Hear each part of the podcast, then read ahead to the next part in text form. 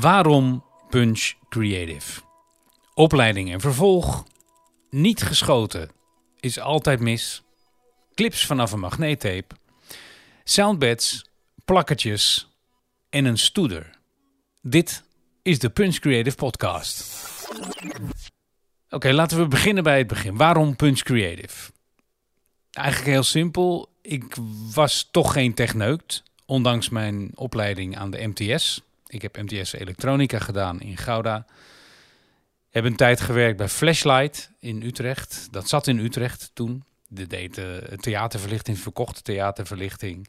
Maar ook uh, het uitlichten van grote concerten, waaronder Lee Towers in die jaren. Heb ik het over nou, 1990, denk ik. Daar heb ik een tijd gewerkt bij Flashlight toen ik van de MTS afkwam. Onwijs leuke job, onwijs leuke mensen, uh, met leuke gasten gewerkt, leuke dingen gedaan. Uh, veel gewerkt met name.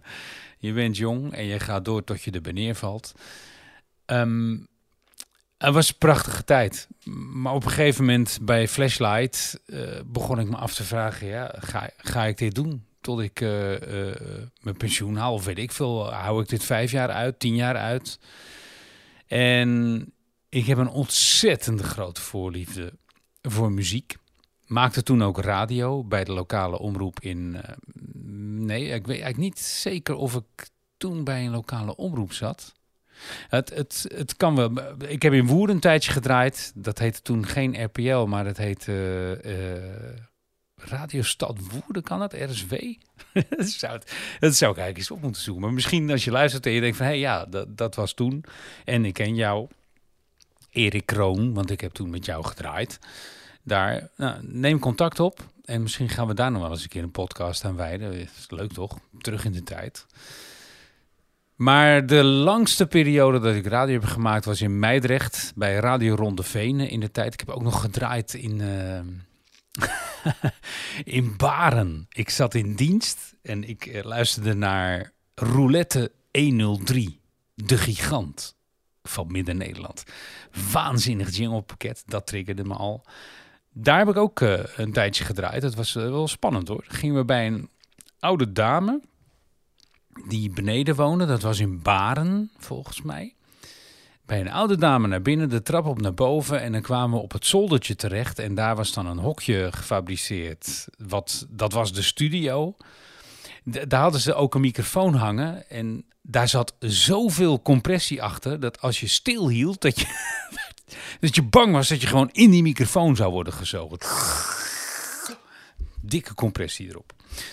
Uh, roulette, dat was eigenlijk de mooiste tijd. De, de radiotijd waar ik het meest van heb genoten. Was spannend. Uh, uh, als je een oproep deed voor een spelletje en mensen konden bellen, je wist niet waar je moest beginnen, want de telefoon stond roodgloeiend. Um, maar ja, uiteindelijk van het een komt het ander. En roulette ging samen volgens mij. Ik weet niet meer precies hoe het, hoe het gegaan is. En ik ben daar gestopt. En Meidrecht wat ik al zei, heb ik veel radio gemaakt. Sla al die andere lokale omroepjes gewoon over. En stem af op een volwaardig radiostation. 105.6 Radio Ronde Venen. Radio was dus een grote liefde. Muziek was mijn grote liefde. En ik zag rond 1993 een advertentie, een arcade in de tijd. Ken je ze nog? Arcade. Jabba Dabba Dance van Arcade. Die maakte onder andere de Dance Classics uh, CD-serie. Arcade had een advertentie staan voor een RTV, radio- en televisie-producer. En Erik dacht, niet geschoten is altijd mis. Dus ik in mijn studiootje, dat was denk ik bij de radio, dat weet ik niet zeker dat ik dat daar gedaan heb. Ik weet niet of ik al die spullen toen al zelf had, want ik heb een hoop mooie spullen gehad. Daar komen we later op. Ik in het studiootje een soundbed maken voor een. Um, nee, ik moest eerst natuurlijk solliciteren en ik ben daar geweest. Ik heb een gesprek gehad. Uh, daar was Mick bij. Nog steeds een hele goede vriend van me. Sterk nog, een van mijn beste vrienden. En ik ging daar weg met de opdracht: dit is een uh, album uh, waar jij een commercial voor moet gaan maken, een radiocommercial voor moet gaan maken. En het was een ballads uh, ik heb hem nog ergens in een, in een koffer zitten. Ik had hem op moeten zoeken, ik weet niet meer. Dus een Engelse compilatie was het. En daar moest ik een soundbed voor maken en een commercial voor in elkaar zetten. Nou, zo gezegd, zo gedaan. Commercial in elkaar gezet. En in juni 1993 ben ik begonnen als radio- en televisieproducer bij Arcade. En dat is eigenlijk het, het begin, dat, dat is eigenlijk de aanzet geweest tot wat ik nu ben. Daarom is er nu Punch Creative. Dus waarom Punch Creative?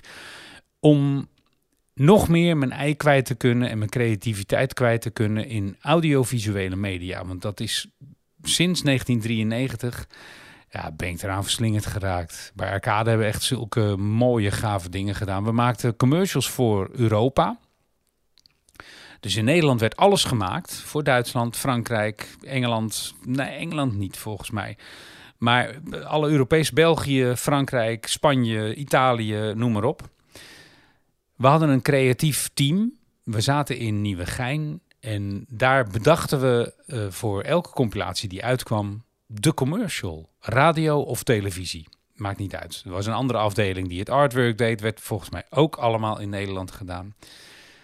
Uh, maar ja, dat ging natuurlijk dat ging van, van keiharde techno tot een uh, love album.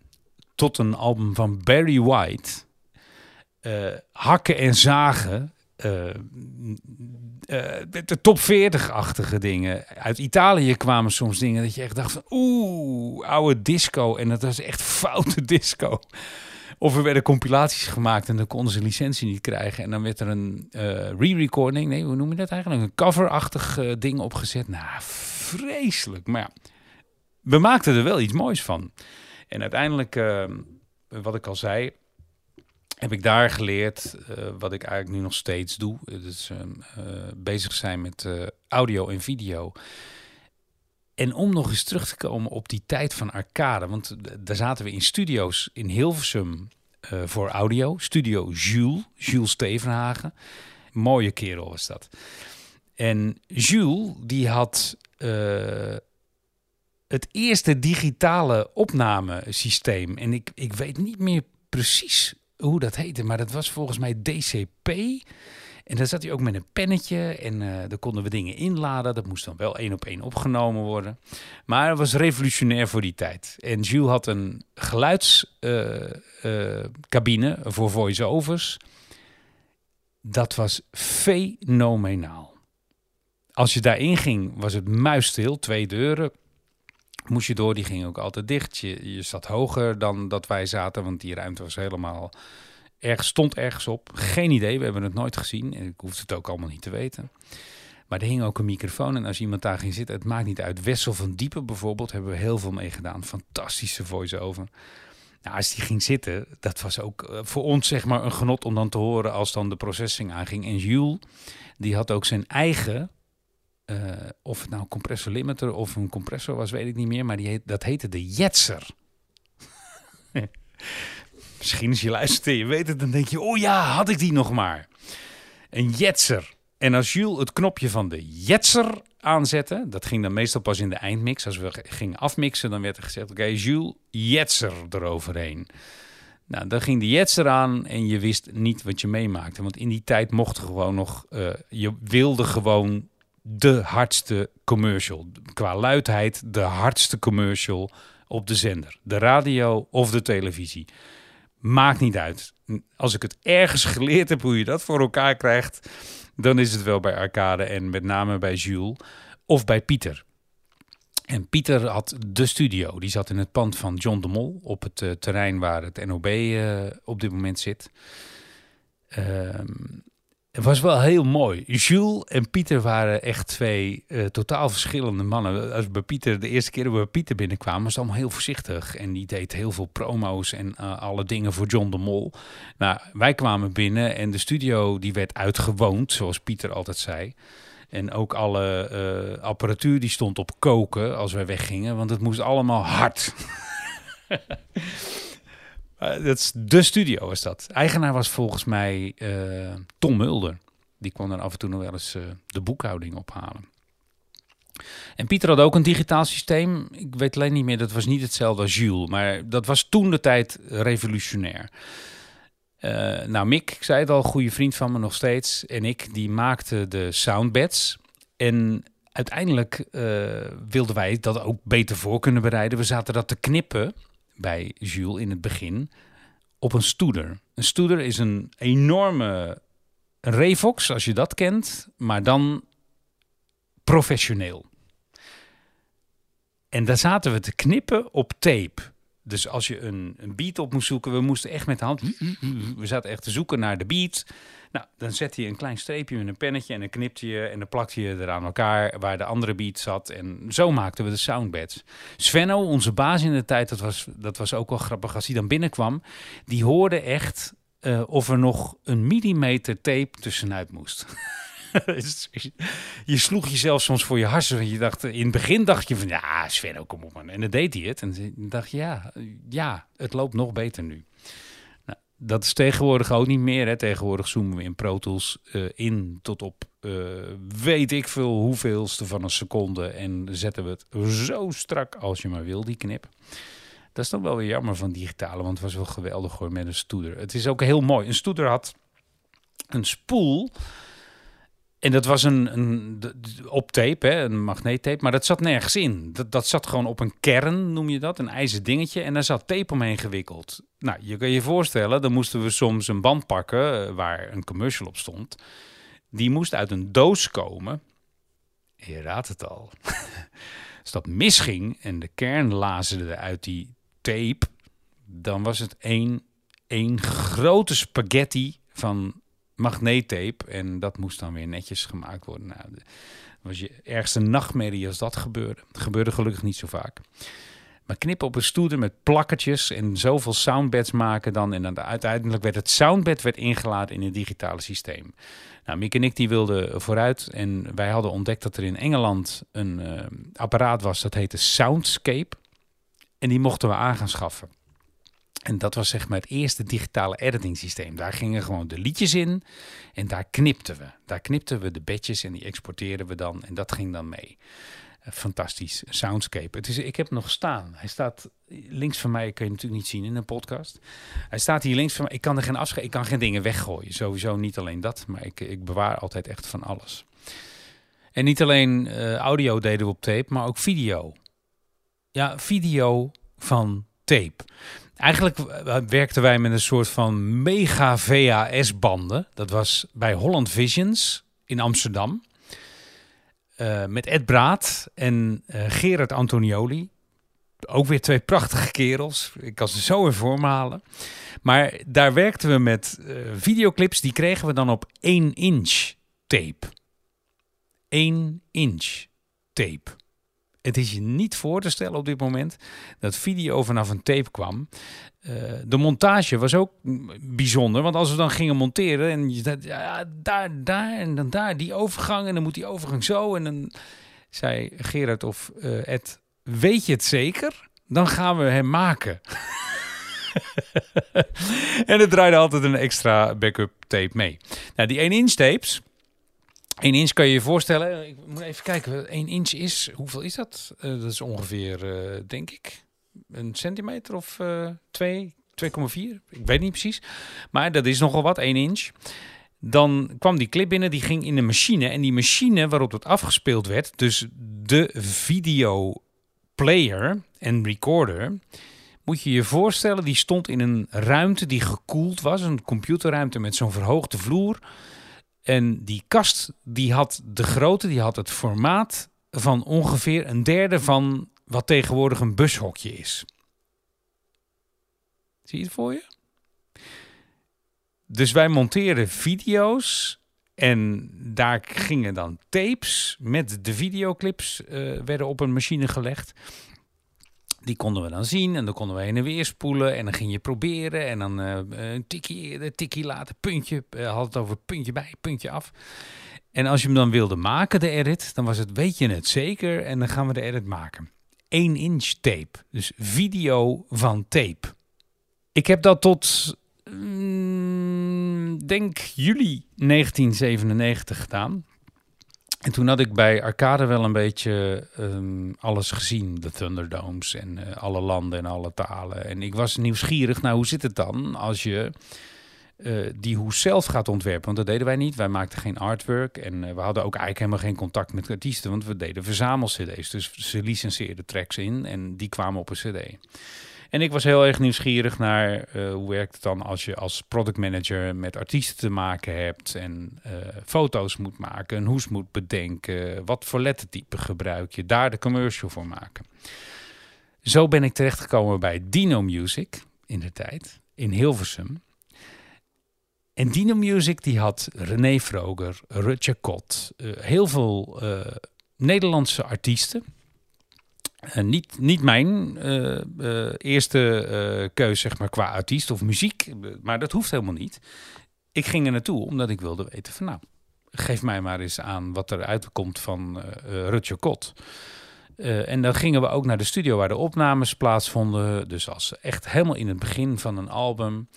En dat, dat traject volgde ik tot de release van het album. En dat uiteindelijk in de winkel kwam. En ik het moest presenteren aan onze salesmensen daar. Om te zorgen dat zij zoveel mogelijk van het album eh, in de winkels eh, zouden krijgen. Dat heb ik een aardig tijdje gedaan, twee jaar. Toen had ik ook zoiets van, nou ja, misschien moet ik voor mezelf beginnen. Dat was in 1999. Nou ja, dat is dan toch een beetje in een donker gat springen voor je gevoel. En toen kreeg ik een aanbieding. Toen heb ik een bij Universal Music gewerkt nog als product en licensing manager. Ook op een afdeling waar compilaties gemaakt werden. En met name zeg maar het repertoire van Universal Music. Dat is een oneindig grote catalogus die ze hebben. Eh, daarvan alles mee doen. Maar ja, dat was negen maanden. Bij, dus toevallig dan, negen maanden. En eh, eh, in die negen maanden ja, was het toch eigenlijk wel eh, eh, st- steeds meer gaan kriebelen om voor mezelf te gaan. En Punch Creative had ik bedacht samen met Marino, een vriend van mij. Wij wilden ooit Punch FM, een radiozender, beginnen. En ik dacht, Punch Creative als bedrijf, grappig. Punch in de zin van, nou, we pakken het anders aan dan de rest. En we geven het een extra boost. En creative, dat zat in mij. Dus ik heb in 2000 heb ik mijn baan opgezegd bij Universal Music. En ben ik begonnen eh, voor mezelf. Ik sprong in een gat, een zwart gat. En eh, vond het een ontzettend gave uitdaging. En ik heb in de eerste jaren prachtige dingen gedaan. We, gaan, eh, we gaan, ik ga ook terugblikken. Ik ga je terugblikken geven op social media. Gaan we throwbacks doen. Dan ga ik al die oude commercials weer eens opgraven. En eh, zie je ook animaties en 3D-animaties die we toen de tijd in de arcade maakten met Ben Liebrand samen. Maar die ga ik dus terughalen en die ga ik eh, laten zien. Dat is leuk. Dat eh, ga- gaat er aankomen. En in de podcast hoop ik eigenlijk in gesprek te gaan met mensen waarmee ik al jaren samenwerk. Ik ben van de lange samenwerking. Ik hou van loyaal. Ik ben loyaal. En als dat eh, eh, van weerszijden komt, nou, dan heb je echt eh, mooie lange samenwerking. En daar heb ik er gelukkig heel veel van. Een van de mensen met wie ik... mensen klinkt altijd zo een beetje niet zo, zo heel erg aardig. Maar zo bedoel ik niet. Ik ga met een voice-over. Die op dit moment DJ is bij Veronica. Begonnen is volgens mij bij 3FM in de tijd. Heel lang gedraaid heeft bij Radio 538. Eh, en nu zijn, eh, zijn show heeft eh, primetime in de middag op Radio Veronica. Tim Klein. Hij heeft toegezegd dat hij komt. Vind ik onwijs leuk. Gaan we het over voice-over werk hebben. En door de jaren heen wat er allemaal veranderd is in, in zijn ogen. Met marketingmanager van Ubisoft, eh, Marcel, Marcel Keij, ga ik eh, aan tafel. Die heeft toegezegd eh, dat hij het leuk vindt om ook aan te schuiven. En zo hoop ik nog veel meer mensen achter de microfoon te krijgen en naast mij te, of tegenover mij te krijgen. Om het te gaan hebben gewoon over creativiteit, marketing. Waarom bedenk je iets? Waarom wordt iets neergezet op een bepaalde manier? En waarom vind je dat zo ontzettend leuk? Nou, je kent het vast wel. Als je wil blijven luisteren en notificaties wil van nieuwe afleveringen, abonneer je dan op de podcast. Doe je dat niet, dan hoop ik dat je af en toe eens terugkomt om te kijken of er een leuke tussen zit die jij wil luisteren. Ik ga in ieder geval proberen er iets leuks van te maken. Tot de volgende.